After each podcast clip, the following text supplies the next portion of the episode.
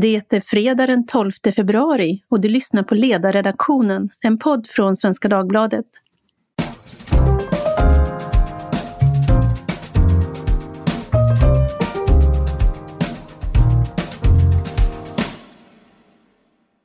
Jag heter Tove Livendal och idag ska vi prata om filterbubblor, en term som myntades av författaren, aktivisten och entreprenören Eli Pariser för drygt tio år sedan. Jag skulle förmoda att ni som lyssnar har hört begreppet och förmodligen i sammanhang som handlar om informationsflöden eller kanske till och med som förklaring till ett annat begrepp som ligger i tiden, polarisering, som betyder att man inte kan förstå varandra.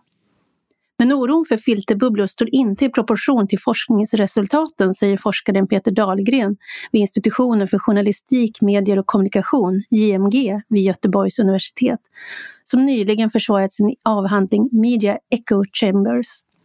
Varmt välkommen till podden Peter. Tack så mycket. Om vi bara börjar med att se till att lyssnarna vet vad vi pratar om. Vad är definitionen av filterbubblor? Ja, jag tror det är här vi stöter på det första problemet, för det finns inte någon riktigt vedertagen definition och det är inte riktigt klarlagt vad det faktiskt innebär. Men eh, det som har sagts om det i alla fall, eller som Mila Paris har sagt, är att det är ett unikt informationsuniversum för varje person, varje individ. Och detta uppstår då till följd av att individer väljer information utifrån sina exempelvis politiska övertygelser eller sina intressen. Och Eh, på sociala medier då till exempel. Och de här sociala medierna i sin tur lär sig vad du är intresserad av och genom sina algoritmer så skulle de presentera mer av den informationen nästa gång du besöker dem.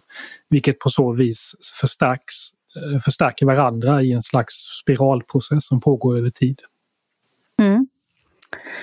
Eh, så vitt jag har kunnat läsa mig till då i en artikel på Göteborgs universitets hemsida så började du själv ditt doktorandarbete med uppfattningen att vi blir allt mer isolerade i filterbubblor.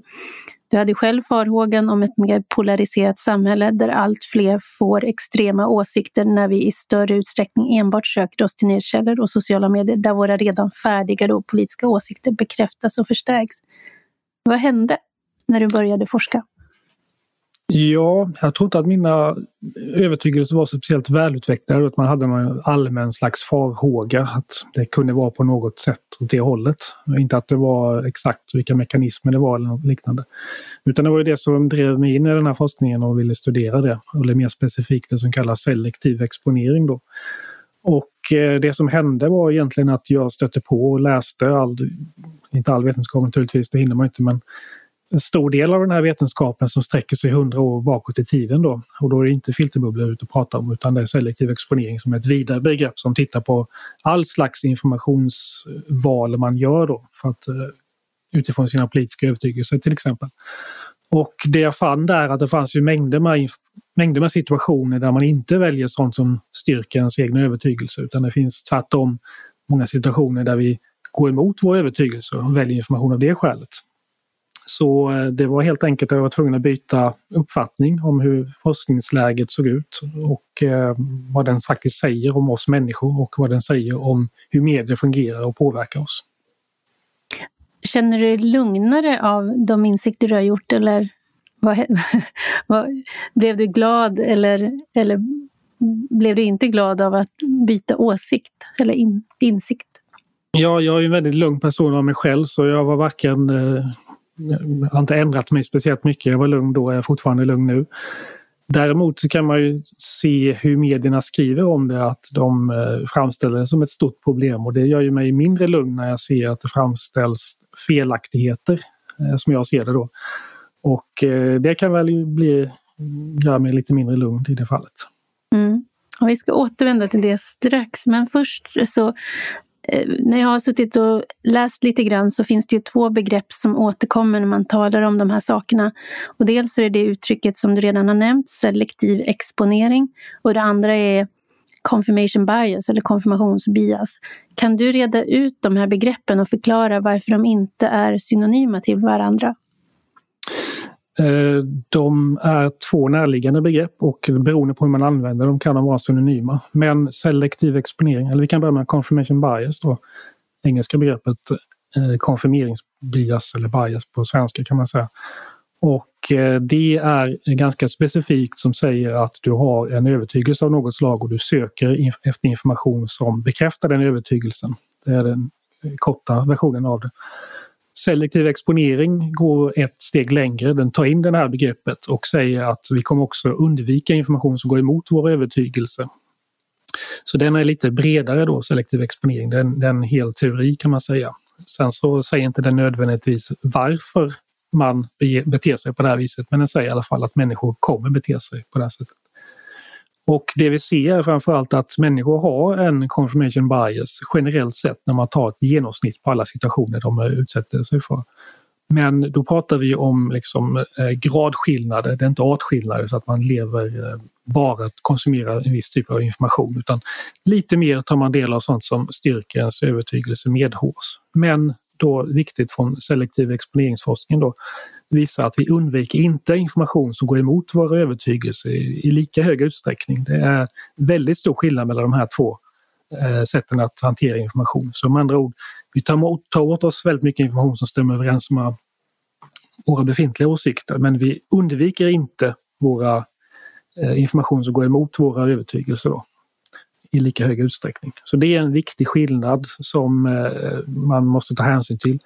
Och när i debatten fokuserar man ju oftast på confirmation bias då och säger att det här är en faktor som driver fram polarisering. Men man nämner inte då den omvända som från selektiv exponeringshållet då, att vi tenderar att ta emot information som inte nödvändigtvis går emot vår övertygelse. Och den är viktig att ta, ta in i beaktande också. Om man skulle försöka översätta det till någon konkret situation, säg att jag tittar, sitter och tittar på en tv-sänd politisk debatt, så kommer jag kanske att eh, det kommer att hända någonting positivt i mig när jag får mina egna övertygelser stärkta av den ena parten i samtalet eller debatten, men jag, jag går inte ur soffan bara för att den andra börjar prata.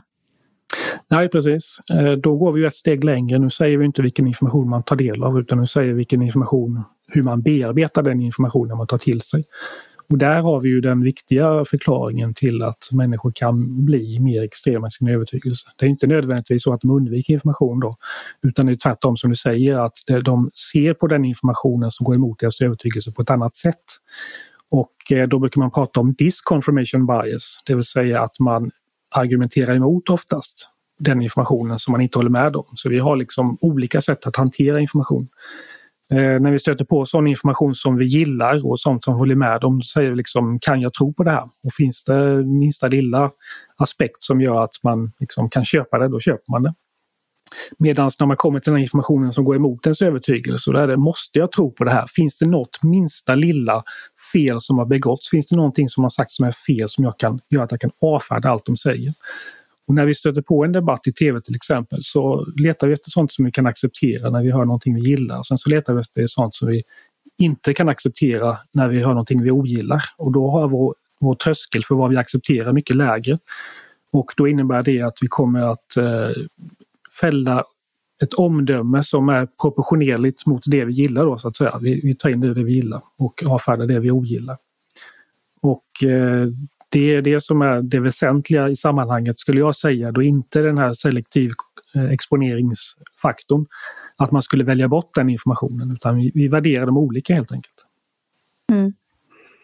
Jag sitter och rannsakar mig själv, beter mig när jag lyssnar på personer där jag kan ha en uppfattad förförståelse för ja, vad jag tycker om halten i argumenten.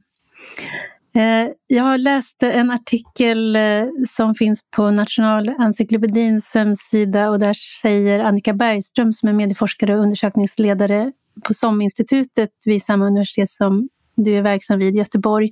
Och då säger hon så här. Jag har inte sett någon studie som stödjer filterbubblornas existens och inom forskningen är man rätt överens om att de inte finns.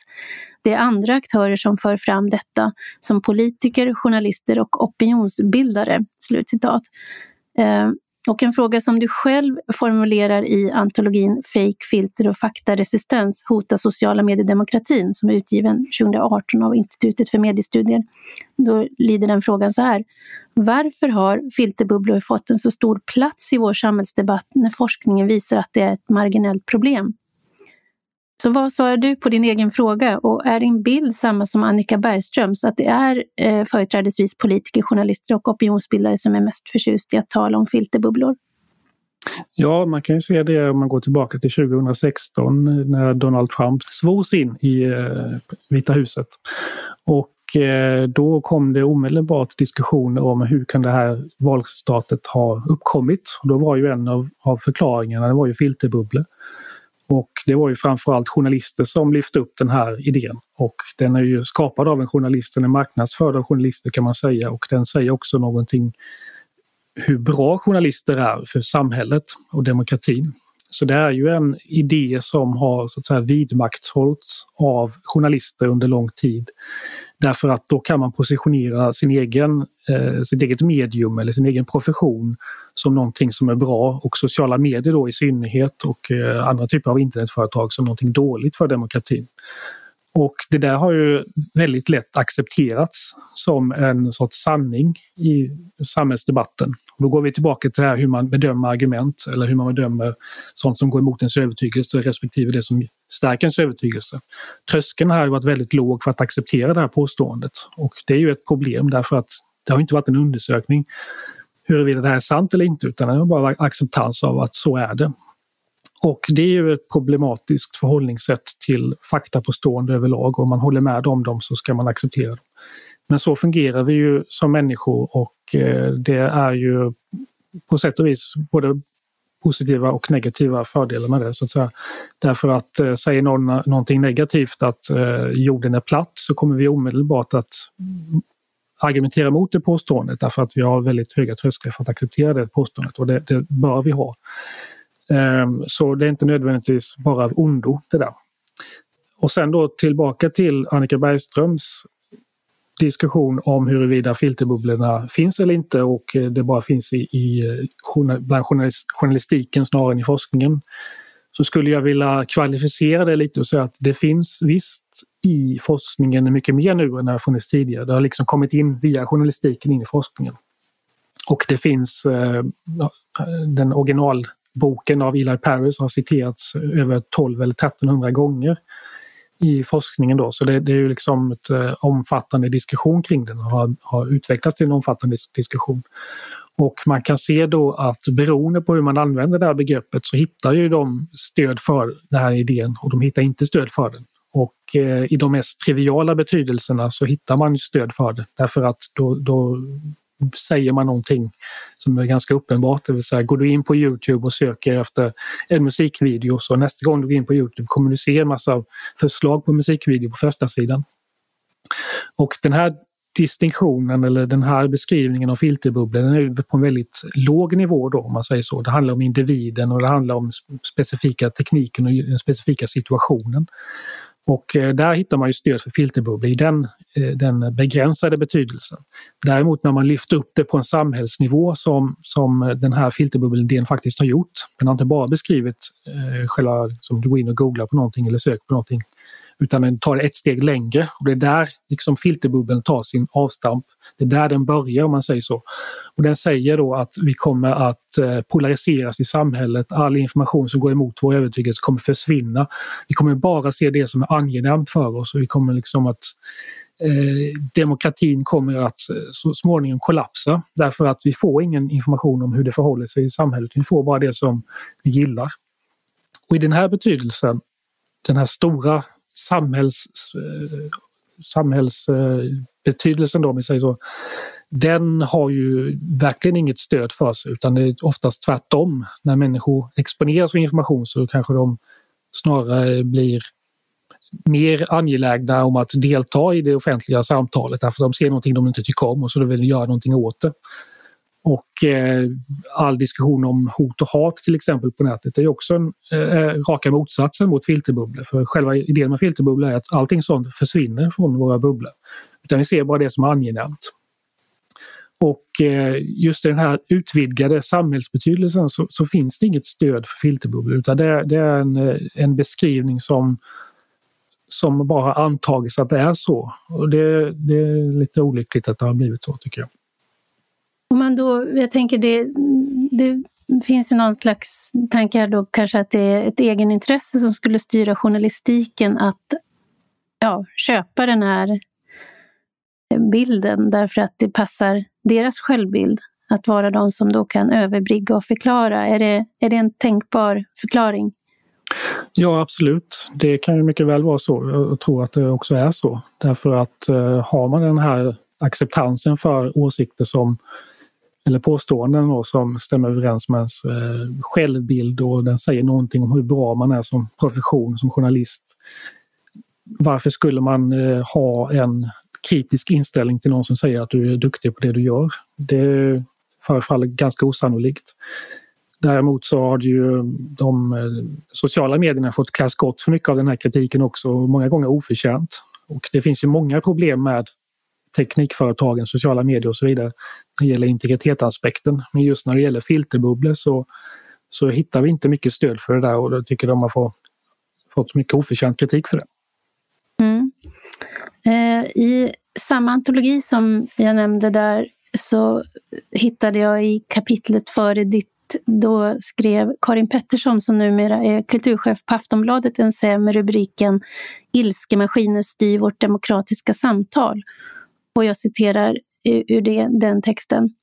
Teknikjättarna har länge gömt sig bakom retoriken att tekniken är neutral, men algoritmerna fungerar som publicistiska filter och tekniken som följer av affärsmodellen får konsekvenser. Effekten blir att Youtube, Facebook och Twitter inte bara radikaliserar användare, de polariserar även samhällen. I de sociala mediernas interna logik blir det lockande att dras in i just det ekosystem man kritiserar. I en hälsosam politisk debatt engagerar vi oss med motståndarens bästa och mest genomtänkta argument. Dagens digitala plattformar är ofta utformade för det exakt motsatta. På Twitter och Facebook är själva koden skriven så att vi varje dag möter vänner som delar med sig av ursinniga kommentarer om de största idioterna på den politiska sidan de själva inte tillhör. Högern citerar de mest extrema uttalandena från vänstern och vice versa. Till slut hatar alla varandra ännu mer." Slutcitat. När jag läste det där så tänkte jag, jag, jag tillbringar ju själv då dagligen tid både på Facebook och Twitter eh, och utifrån den erfarenheten så skulle jag å ena sidan kunna nicka lite instämmande, tänka att det där har jag kanske sett eh, eller tyckt mig kunna se. Men för egen del så nej, jag hatar ingen men jag kan ju i och för sig känna låg respekt för somliga och vissa beteenden som jag verkligen ogillar. Och då är det väl främst personer som jag tycker gör sig till sämre versioner av sig själv då på Twitter. Men jag tror inte att jag själv upplever mig så värst mer polariserad än tidigare. Utan försöker eh, förstå och tycker att jag ofta kan förstå även de som står långt ifrån mig. Hur skulle du som forskare förklara den här dubbla upplevelsen? Jo, men det ligger lite i det hon säger. Därför att eh, vi kan enkelt se saker som vi, inte, saker som vi ogillar på sociala medier. Det, det ligger mycket i människans natur att dela saker som vi inte håller med om. Och eh, huruvida det är eh, mediet som sådant som har drivit fram det här beteendet hos användarna. Det framgår inte av den här texten, jag själv läst den. Och det framgår inte heller av andra påståenden kring det här utan man bara hävdar det. Eh, därmed sagt så är det här ett, ett, eh, raka motsatsen till filterbubblor. För filterbubblor säger ju att du kommer inte se någonting du ogillar utan det kommer ju, allting kommer att vara frid och fröjd i din bubbla. För det är det du ser då så att säga. Och eh, Så de går lite mot varandra de här förklaringarna. Däremot så kan man ju också lägga märke till det här begreppet polarisering som vi används väldigt mycket nu, nu också. Och det är själva idén med filterbubbla, att det ska leda fram till polarisering. Däremot så är det väldigt sällan vi specificerar vad vi menar med polarisering. Och eh, det här begreppet har ju flera betydelser och man kan se det dels som att vi har olika åsikter om någonting. Det vill säga, har vi samma åsikter så finns det ingen polarisering. Har vi olika åsikter så finns det polarisering. Om vi då tar åsikter som exempel. Och eh, det innebär ju att i en demokrati så kommer det alltid finnas polarisering och det har, det har alltid funnits polarisering i Sverige så länge vi har varit en demokrati och det kommer alltid finnas det också. Så om vi gör om oss till en diktatur så det finns bara en åsikt och den är officiell och alla ska omfamna den, då, då har vi liksom lyckats ta bort all polarisering. Så en viss mått av polarisering kan ju vara nödvändigt. Sen så har ju min, mitt intresse varit om det har ökat till följd av internet och då sociala medier till exempel. Och där har vi ju inget speciellt stort stöd för att medier skulle driva fram polarisering utan det, det har, har, man ju sett studier att det kan ju både skapa lite polarisering och det kan samtidigt minska det. Så har vi andra studier som visar att polarisering kan driva fram medier snarare än att, att medierna har drivit fram polariseringen. Så det är en fråga om vad som är hönan och ägget här. Så det, ja. det, är väldigt många aspekter att ta hänsyn till och eh, när det gäller polarisering brukar man ju dra in algoritmerna, att den har radikaliserat människor. Och eh, det finns ju inte mycket stöd för den idén heller, för det är ju någonting som sägs så att algoritmen är skriven på ett visst sätt för att driva fram det här. Men vilken algoritm är det man pratar om? Därför att det finns ju många algoritmer. Jag använder algoritmer när jag analyserar data. Eh, jag har programmerat algoritmer och eh, de fyller olika funktion. så man får vara lite mer specifik med vilken algoritm man talar om i det här fallet tror jag. Mm. Ja men det, det stämmer ju. Det, man hör det nästan talas om som en egen en kraft med egen vilja. Ehm, men jag funderar på, för polarisering för mig är ju det här med att du inte kan förstå hur den andra tänker. Ehm, och det är inte, jag tänker, ett, när, ett annat begrepp är ju polemik. Att man liksom har liksom tydlig, tydlig åsiktsskillnad men du kan ändå förstå motståndarens argument. Medan då polarisering ändå, nej, då, då kan du inte begripa hur den andra resonerar. Och det, det är väl som du säger att om man inte lever exakt samma liv, eller ja, så länge vi är människor så kommer vi ha olika upplevelser och vi kommer ha olika förståelser av olika saker. Men eh, en fråga som jag själv ofta får det är ju då hur vi inom journalistiken hanterar då polariseringen. Det här med att vi inte förstår varandra och vilken uppgift som medierna har för att motverka sådana tendenser. Vad är din åsikt i den frågan? Ja, jag tror man behöver tänka lite på vad man menar med att inte förstå varandra. För då säger man ju någonting om vad som försiggår i människors huvud, huvuden. Och när det gäller eh, debatter så det enda vi kan se det är ju vad folk faktiskt säger. Och det kan ju mycket väl vara så att man förstår men man håller inte med. Och då kommer man ju framföra de argumenten som man tycker är bäst för sin egen sak. Det är också ofta det, det som är själva poängen med debatter.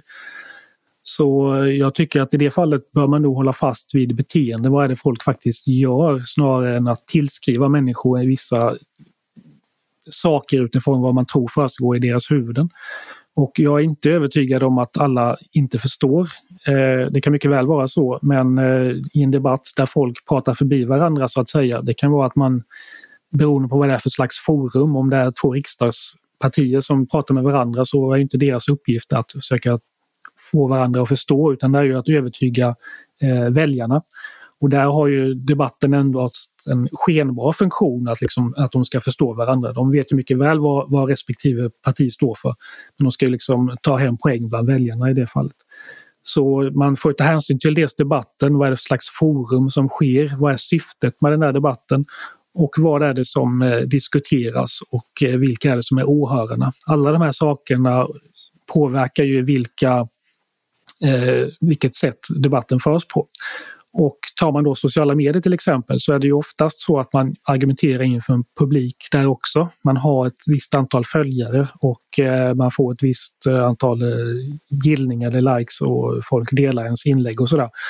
Och det innebär ju att man strider ju, använder en metafor här så ingen tror att jag förordar liksom krigare, men man strider med varandra eller mot varandra eh, på nätet med sina meningsmotståndare och då gör man det inför sina åhörare, inför sina följare. Och därmed kan man ju skapa en upplevelse av att det är extremt polariserat, att det är extremt eh, väldigt hårda argument därför att man tar hem poäng på sin sida så att säga.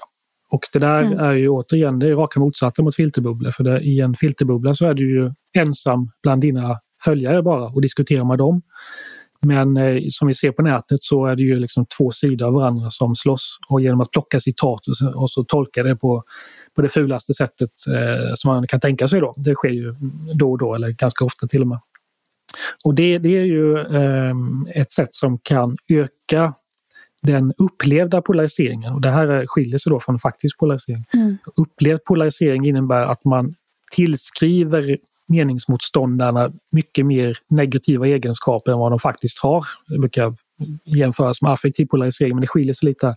Utan det, det är det man eh, tillskriver dem och eh, tror att de tycker snarare än vad de faktiskt tycker. Så det är skillnaden då. Och när man har en stor skillnad där så kan det upplevas som att samhället är mer polariserat än vad det faktiskt är.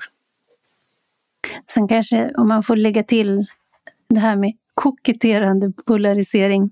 Det finns ju ett uttryck som då och då hörs när folk nästan koketterar med att jag kan verkligen inte förstå den som gör si eller så eller röstar mm. si eller så. Men det är, det, det, det, är en, det är en upplevelsebaserad etikett. Jo, men jag tror man kan ta, ta den på fullt allvar liksom, om de säger att de inte förstår dem. Därför att att sätta sig in i någons världsbild, det krävs liksom ansträngning. Det är inte någonting man kan läsa ett argument och sen så förstår man det utan man måste gå liksom djupare. Och eh, då har vi ju ideologier som vi kan studera och förstå. Och eh, vill man vara vill man vara, liksom, verkligen gå in på djupet här så ska man gå in på moralpsykologi till exempel och läsa Jonathan Haidt. Och kan ju beskriva det väldigt ingående hur det finns olika moraliska dimensioner som vi alla har på olika sätt och spelar upp och spelar ner i olika sammanhang som kan förklara liksom varför har vi alla de här olika synsätten och varför kan vi inte komma överens och varför ehm, har vi så svårt att eh, prata med varandra och, och då inte förstå varandra. Om du eh, nu får tala i egen sak en stund då, som från forskarsamhället, vad kommer att vara det mest spännande att ta reda på inom det här området? Vilka studier är det som väntar på att få göras? Jag, jag tror i huvudsak att det handlar om just den här sociala aspekten. Därför att den här selektiva exponeringsforskningen och filterbubbelidén också, den eh, fokuserar ju på individen. Att det är en individ som söker information och antingen bekräftar eller inte bekräftar den, så att säga, eh, sin övertygelse. Då.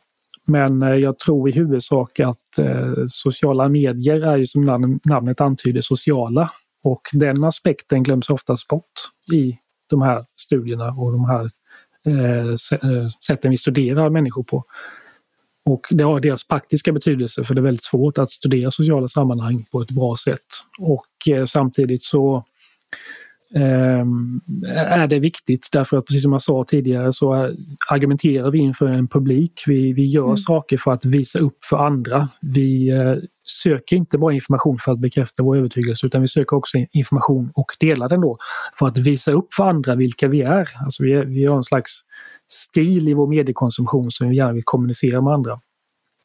Och den aspekten tror jag är viktigare än, eh, är viktigare på sociala medier än vad den är i till exempel i andra sammanhang. Därför att du, du har inte en miljonpublik som du ska visa upp dig för när du pratar med din granne till exempel, utan då är det din granne som är framför dig och du pratar med.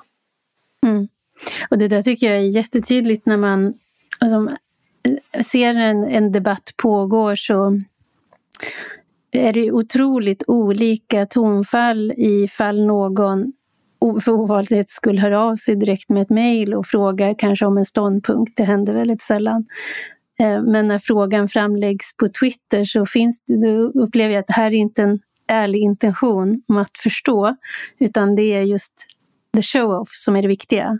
Att nu går jag ut på, nu utmanar jag dig här på torget och ser hur du svarar. Så det är ju ett, ett, ett, ett slags eh, fjäderviftande på de här, i de här medierna som påverkar väldigt mycket. Ja, det är ju ett slags gatuslagsmål med ord kan man väl kalla det egentligen. Mm. Det var en bra formulering, bra sammanfattning. Mm. Eh, ja, när man då är ute på nätet så hittar man rätt många beskrivningar av just filterbubblor. Jag satt och googlade och tittade och det finns många informationsfilmer eh, till exempel eh, och förklaringar och många av dem riktar sig till barn i skolåldern. Och eh, bland annat så kan man lära sig så här. Filterbubblor uppstår i våra flöden på webben när vi bara ser sånt vi gillar. Det kan bli ensidigt. Du kanske tittar på videoklipp där människor spelar gitarr och då fylls, fylls tipslistorna med förslag på fler klipp med människor som spelar gitarr. Plötsligt är det som om det bara fanns gitarrmusik. Då har du hamnat i en filterbubbla och missar massa andra saker. Slutcitat. Och sen fortsätter det med att det faktiskt finns andra instrument och sen förklaras det, tänk om det då handlar om åsikter istället. Så att det finns en, en, en det här är en pedagogisk informationsfilm, i det här fallet då från Utbildningsradion. Vad tänker du om att filterbubblor på det här sättet fastslås som ett faktum? Ja, det är lite olyckligt.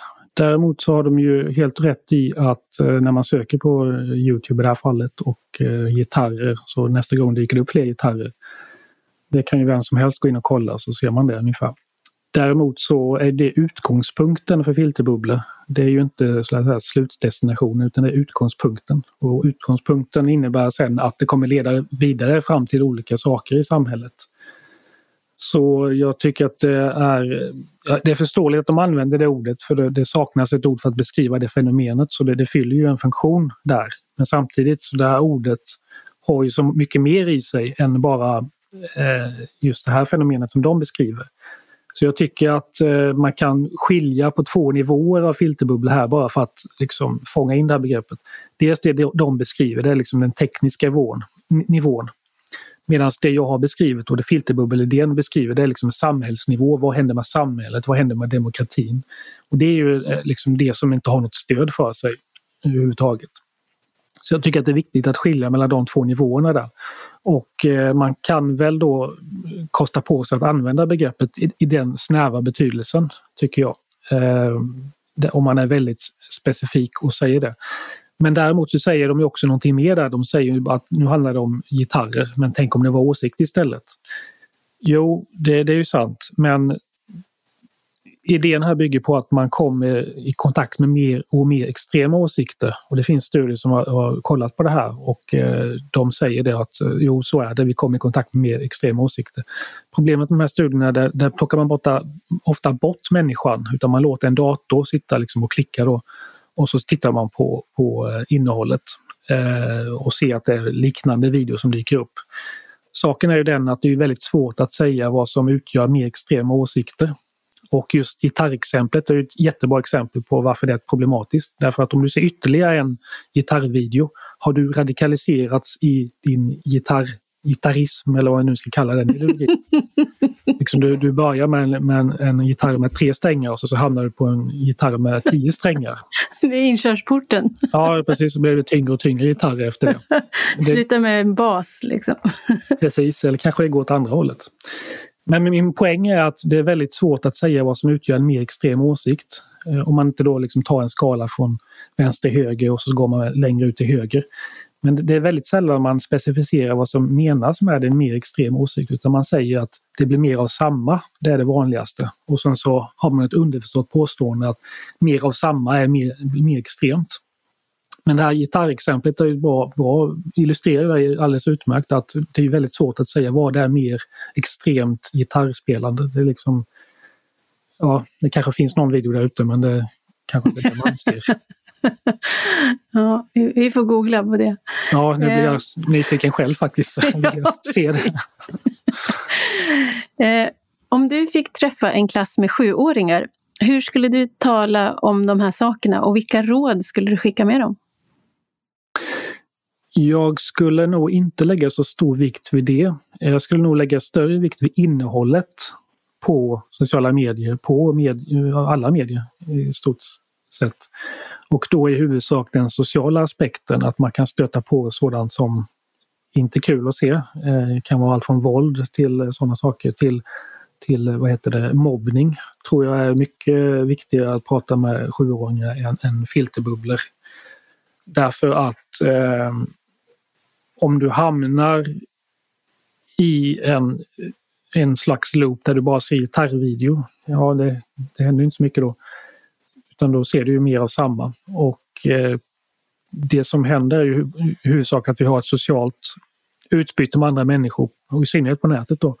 Och att vi skickar saker till varandra och vi kan därmed stöta på saker som vi inte vill se kanske. I och med att eh, mobbning då till exempel. Och visst kan det vara så att man eh, klickar på någon video som innehåller någonting otrevligt och sen så Eh, Eh, visa Youtube då nästa gång du kommer dit, och visar ungefär samma typ av video eller tror att du gillar det. Och eh, återigen är det här raka motsatsen till filterbubblor därför att eh, då har ju liksom någon annan påverkat din bubbla inom citationstecken. Och eh, då bör man ju snarare lära dem hur man öppnar ett inkognitofönster och, och söker på Youtube så att man eh, inte spåras av Youtube för det första och i lika hög utsträckning i alla fall. Och dels att man återställer så att säga de rekommendationerna som man får. Eh, så det kan ju vara ett, det är ju ett enkelt sätt att eh, nollställa till något slags ursprungsläge kan man väl säga, om man nu är intresserad av det.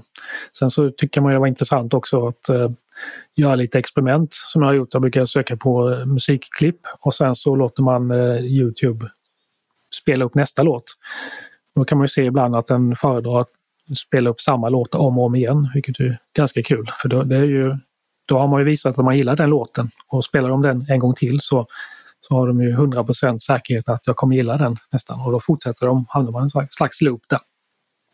Så man kan ju visa på lite sådana saker och se hur det, hur det eh, fungerar så att säga.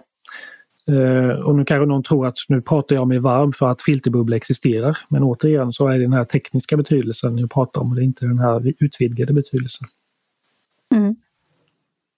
Bra, då har vi som alla som kommer i kontakt med små barn fått eh, lite råd och tips på hur man faktiskt kan göra då. För att det handlar väl om att också förstå hur tekniken fungerar Ja, jag tror att det är viktigt. Eh, inte nödvändigtvis att som i skolan man ska börja med programmering och så, så tror man att de ska förstå hur algoritmer fungerar. Jag, menar, det, jag tycker det är helt absurt därför att vill du förstå hur algoritmer fungerar så ska du liksom börja på den nivån. Du ska söka på, på Youtube, ska söka på Google. Så, så pratar du utifrån det. För det, det är där man stöter på konsekvenserna av algoritmerna. Det är inte genom att liksom programmera dem själv, för det är extremt svårt. Och det är extremt svårt att generalisera den kunskapen till det faktiska utfallet, för man vet inte hur det kommer bli i slutändan sen.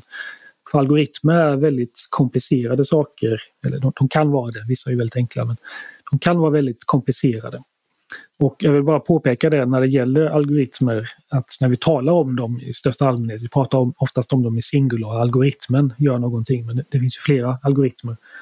Och eh, det är ju en slags instruktion för att lösa en specifik uppgift. Och de algoritmerna som finns på nätet, de vi oftast talar om, de kallas oftast rekommendationsalgoritmer. Och det är det jag har nämnt då, att de rekommenderar innehåll. Och de här algoritmerna de eh, är inte bara skrivna på ett visst sätt, att de ska rekommendera ett visst innehåll, utan det är också vad det är för slags innehåll de baserar sin rekommendation på. Det vill säga, vad finns det för video på Youtube redan? Och den aspekten eh, är någonting som inte ofta lyfts fram, utan man lyfter fram algoritmen och säger att det är den som har drivit fram polariseringen i samhället. Men man måste också ta hänsyn till det innehållet som faktiskt finns på de här sajterna. Vad, vad, vad är relationen mellan dem? Eh, det vill säga hur mycket information finns det om en ståndpunkt till exempel, hur mycket information finns det om en annan ståndpunkt. Det påverkar ju också i sin tur vilken typ av information som dyker upp. Därför att finns det stort utbud av, utbud av någonting så kommer ju det att få större genomslagskraft än om det finns ett litet utbud av någonting. Bara liksom ren Eh, sannolikhetslära. Då. Och då kan ju algoritmen i sig vikta upp och vikta ner den informationen. Och eh, det är väldigt svårt att avgöra hur den gör det och jag tycker man ska vara försiktig när man säger att algoritmen leder till viss, visst beteende eller, eller till visst innehåll. Därför att de här mer avancerade algoritmerna, eh, delvis då rekommendationsalgoritmerna som jag nämnde, men det som är mer baserat på artificiell intelligens till exempel, de kan ju ha upp mot eh, 800 000 parametrar som liksom samspelar och rekommenderat innehåll. Och det är fullständigt omöjligt att förutsäga hur de kommer bete sig utan man måste gå liksom på användarsidan och söka och titta och, se vad som händer där. Eh, en normal människa kan ungefär förstå tre, fyra saker, hur de påverkar varandra. Men vid fem, då är det liksom en, någon par procent av befolkningen som kan förstå hur, hur de påverkar varandra. Så att vi ska kunna förstå hur 800 000 saker påverkar varandra tillsammans, det är extremt osannolikt för att inte säga helt omöjligt. Mm.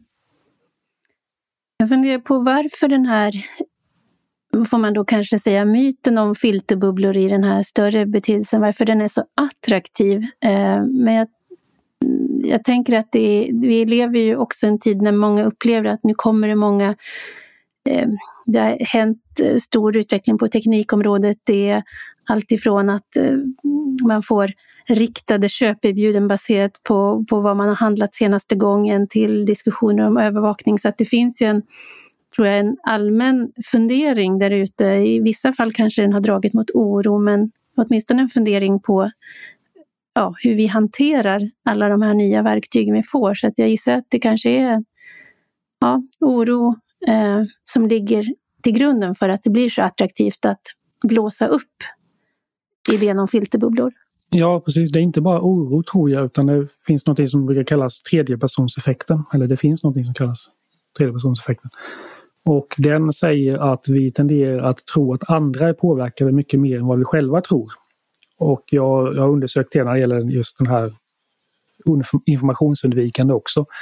Jag ställde en eh, fråga i SAM-undersökningarna och frågade om de tror att de själva undviker information eller om de faktiskt gör det då. Eller om de tror att andra gör det. Och 63 procent av svenska befolkningen säger att, de, att andra undviker information medan bara då 16 procent säger att de själva undviker information. Så jag tror att den här filterbubbel Idén är någonting man eh, säger någonting om andra människor. Man använder det som ett slagträ i debatten, alltså att du lever i en filterbubbla. Eh, jag tror att det är så vi tänker på den många gånger. Att det är någonting som andra gör men inte vi själva. Och att vi vill gärna varna andra för att de kan leva i en filterbubbla. Men vi, vi säger inte nödvändigtvis till oss själva att eh, den informationen jag ser, eh, har jag valt den själv eller inte? Utan då, då tenderar vi att lägga förklaringen mer på oss själva då så att säga, att vi har valt den informationen.